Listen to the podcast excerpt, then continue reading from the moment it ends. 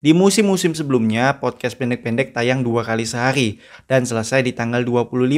Dan musim baru dimulai setiap tanggal 1. Jadi jeda per musimnya itu bisa 6 sampai 7 hari. Kecuali jeda dari musim ketiga ke musim keempat, di mana itu bisa sampai satu bulan lebih ya. Dan itu membuat saya berpikir, dengan jumlah episode yang sama, kalau jadwal unggahannya saya ubah menjadi tiga kali sehari, maka episode terakhir podcast pendek-pendek akan selesai di tanggal 17, di mana itu akan membuat jeda musimnya lebih lama. Dan itulah alasan saya memutuskan untuk mengubah jadwal unggahan podcast pendek-pendek menjadi tiga kali sehari, supaya jeda musimnya jauh lebih lama daripada musim-musim sebelumnya.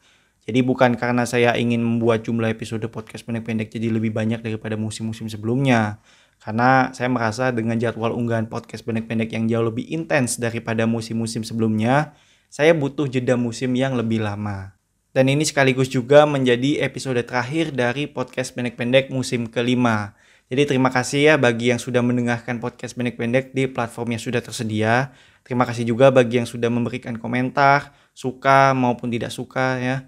Mungkin itu saja yang ingin saya sampaikan di episode kali ini. Sampai jumpa di musim selanjutnya.